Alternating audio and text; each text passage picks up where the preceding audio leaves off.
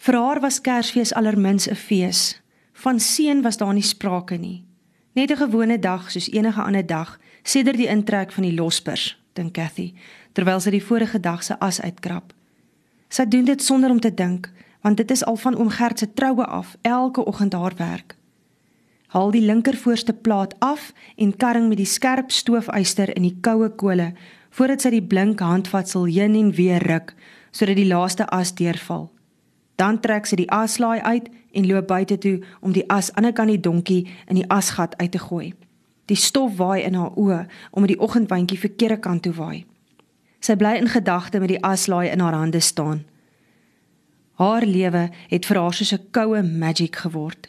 Geen vuur, net as. Sy het al baie gewonder hoe dit sou voel as sy die stoofyster se skerp punt in haar bors indruk. Of moet die yster se punt eers warm wees? Sy kan maar net sowel soos as in die wind gestrooi word. Wie sal weet? Wie sal omgee? Die son is vuil en die son is nog net 'n geelerigheid soos 'n vrot eier agter die wolke wat aan die verkeerde kant van die aarde sit. 'n Oorige haan kraai iewers in die oggend. Tannie Hetta het altyd gesê dat Amlet Marie, haar ma, die Hoëveld gehaat het. Dit begin Cathy nou ook verstaan. Dit is 'n nare plek, vol hartseer en mense wat op jou neersien net omdat jy jy is. Toe die skool vir die nuwe jaar begin, het sy al geweet sy gaan nie die dorpsskool sien nie. "Wie dink jy gaan die huiswerk hier rond doen?" het Stini gevra. "Ek." Juffrou Gous het gesê ek kan by haar kom bly, het Cathy probeer terugpraat. "Dan moet sy jou maar hier kom haal of dink jy jy kan die 20 myl dorp toe stap?" Cathy het vir haarself gesê dat sy sal stap, al vat dit haar 'n week. As sy net geweet het hoe sy moet stap. Sy kan net een enkele keer onthou toe sy saam met Tannie Hetta dorp toe is, agter op oom Hendrik se perdekar. Maar dit was lank gelede. Sy onthou net hoe baie huise daar op die dorp was. Hoe sal sy nou juffrou Gou se huis kry? Jopie is nie hoërskool toe nie. Sy bors. Hy het vaag weggeantwoord toe Cathy hom daarna vra. Die Losper dogters was na 2 weke terug. Wat wil mooi en slim dogters met geleerdheid maak? Het sy Stinie vir oom Gert hoor sê toe die vra hoekom die dogters terug is.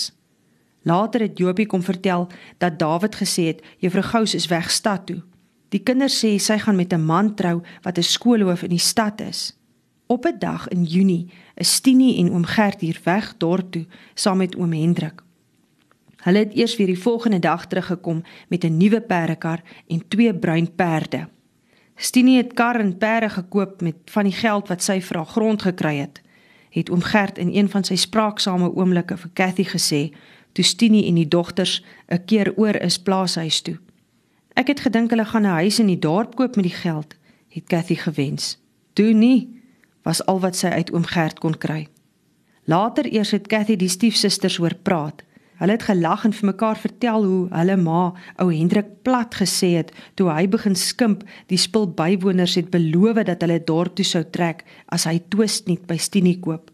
Toe sê ma vir ou Hendrik, hy kan vergeet, sy bly net hier op Varkensfontein. Jy het gesê jy koop 'n plek in die dorp wanneer ek vir jou die plaas betaal. Maak Annie oom Hendrik kastig na. Sunny lag. En toe sê ma mos vir hom, sy bly net hier of sy kanselleer die koop. Ek het die huis nodig, het hulle ma gelag. Jy is net moeg vir die treurige bywoner en sy weeskind. Julle moet trek, het oom Hendrik ongeduldig gesê. Henny wil hier kom bly. Dan kanselleer ek die koop, het Oustini teruggekap. Toe hou ou Hendrik sy bek en ma sê met 'n fluisterstem: "Henny kan mos maar hier kom bly." "Hoekom?" het Cathy Annie vir haar suster hoor vra. "Nee, ek weet nie, want ma het net gelag en gesê, "O Gert is net so stadig in 'n bed as in sy werk." "Wat bedoel sy?" het Sunny gevra. "Nee, ek weet nie en ek kon nie verder hoor wat hulle praat nie, want sy en oom Hendrik het verder in die slaapkamer gaan gesels en die deur agter hulle toegemaak." Seker geskinder raai Sunny toe. Cathy vergeet skoon dat sy die stoof se laaitjie terug moet vat kom huis toe en die stoof aan die brand moet kry voordat die huismense wakker word. Sy bly nogtans in gedagte staan en onthou nou dat Jopie kom sê het hy hoor sy pa sê oom Gert wil weg. Oorlog toe, sê hy. Wat 'n oorlog? het Cathy gevra. My pa sê dis die Tweede Wêreldoorlog Ek weet nie wanneer die eerste oorlog was nie. Waar is die oorlog? het Cathy bekommerd gevra. Oom Gert praat nou nie juis nie en hy doen ook niks as Tini ongedurig raak nie, maar hy is darm hier. Oom Gert het gesê hy gaan nie oorlog toe nie, want dis die Engelse se oorlog, nie ons Afrikaners se oorlog nie. Net sappe gaan oorlog toe. Wat beteken dit? Nee, ek weet nie, het Jopie geantwoord en toe geloop. Cathy, slaap jy? Dis Tini wat in die agterdeur afskree. 'n Mens mag nie eers droom nie, dink Cathy en tel splinters langs die houthoop op sodat sy die stoof aan die gang kan kry. Koffie in hierdie huis maak hulle nie self nie. Dis net Cathy dit en Cathy dat sonder asseblief of dankie. Het jy vergeet dis Sondag? vra Stini. Cathy antwoord nie. Wat is Sondag anders as enige ander dag? Ons wil kerk toe, sê Stini, toe sy terug kamer toe loop. Nadat ons ons eie vervoer het, kan ons ook soos ordentlike Christene Sondag kerk toe gaan. Cathy vra nie eens of sy dalk kan saamgaan nie. Sy is seker nie 'n ordentlike Christen nie en sy was eintlik nog nooit in haar lewe in 'n kerk nie. Tannie Hetta het altyd vir hulle in die aande by die kombuistafel uit die Bybel uitgelees en oom Gert het binnesmonds gebid, maar kerk toe was hulle nooit. Hoe sou hulle in die dorp gekom het? Van die Here weet sy, want dit het Tannie Hetta haar geleer, ook psalms wat hulle in die kerk sing. Tannie Hetta het haar ook Amazing Grace geleer sing want sy het altyd gesê sy het vir Cathy se regte ma beloof om dit vir haar kind te leer. Tannie Hetta het gesê dis nou nie eintlik 'n kerklied nie, maar sy dink dit is darm 'n gelowige lied. En sy onthou die Bybelstories wat juffrou vir hulle vertel het. Nou is daar niemand wat haar van enige iets vertel nie. Jobie kom darm so af en toe van die skool, vertel of iets van die dorp as hy saam met Henny of sy ma of sy pa dorp toe gaan. Maar sy kuiertjies by haar is ook nie baie nie want hy sê sy ma sê hy kan nie by die bywoners lê nie. Sondag kom hy nooit. Sondag is nog alleener as ander dae. Cathy staan die perdekar en agterna kyk toe oom Gert wegry met Stinie voor op die kar en die nare twee op die agterste bankie. Vandag verkies Cathy dit om alleen te wees. Sondag wanneer die ander kerk toe is, kan sy vir haar 3 eiers uit die weglê nes onder die appelboom gaan haal en 'n stuk wors uit die koelkamer langs die plaashuis gaan steel.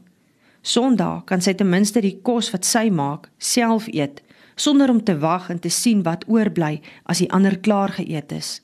Toe het sy klaar geëet en die kombuis opgeruim sodat Stinie sonder beklei die volgende werk vir haar kan uitdink. Sy sal later die middagkos opsit. Om die huis langs die lei voor, al met die voetpad af, drentel Cathy kleinhuisie toe. In die klein vertrekkie maak sy seker die houtsitplekke skoon en gooi 'n dekseltjie ruikgoed in die diep gat af. Sy vat die pakkie geskeurde papier met die spyker en al van die sitplek af en loop daarmee terug kombuis toe. By die kombuistafel gaan sy sit. Trek die eerste klompie vierkante geskeurde bladsye uit 'n ou brandwag en plaas dit langs mekaar op die tafelblad. Dit neem haar nie lank om die stukkies van die kort verhaal in die volgorde voor haar uit te pak nie. Iemand moes die slot van die verhaal gebruik het, want Cathy moet haar eie slot van die storie uitdink. Maar daaraan is sy al gewoond en sy kan haar eie gelukkige einde vir die storie opmaak. Sy steek die pakkie terug op die spyker toe haar oog op 'n ander blokkie van die tydskrif val. Iets oor oorlogswolke wat oor Europa aan die kom is maar dit is net een blokkie nuus oor 'n dreigende oorlog in 'n ver land. Miskien nog in Skotland, maar wat gaan dit daaraan? Sy weet nog nie eens mooi waar Skotland is nie. Sy weet net dit is nie ver van Engeland af nie.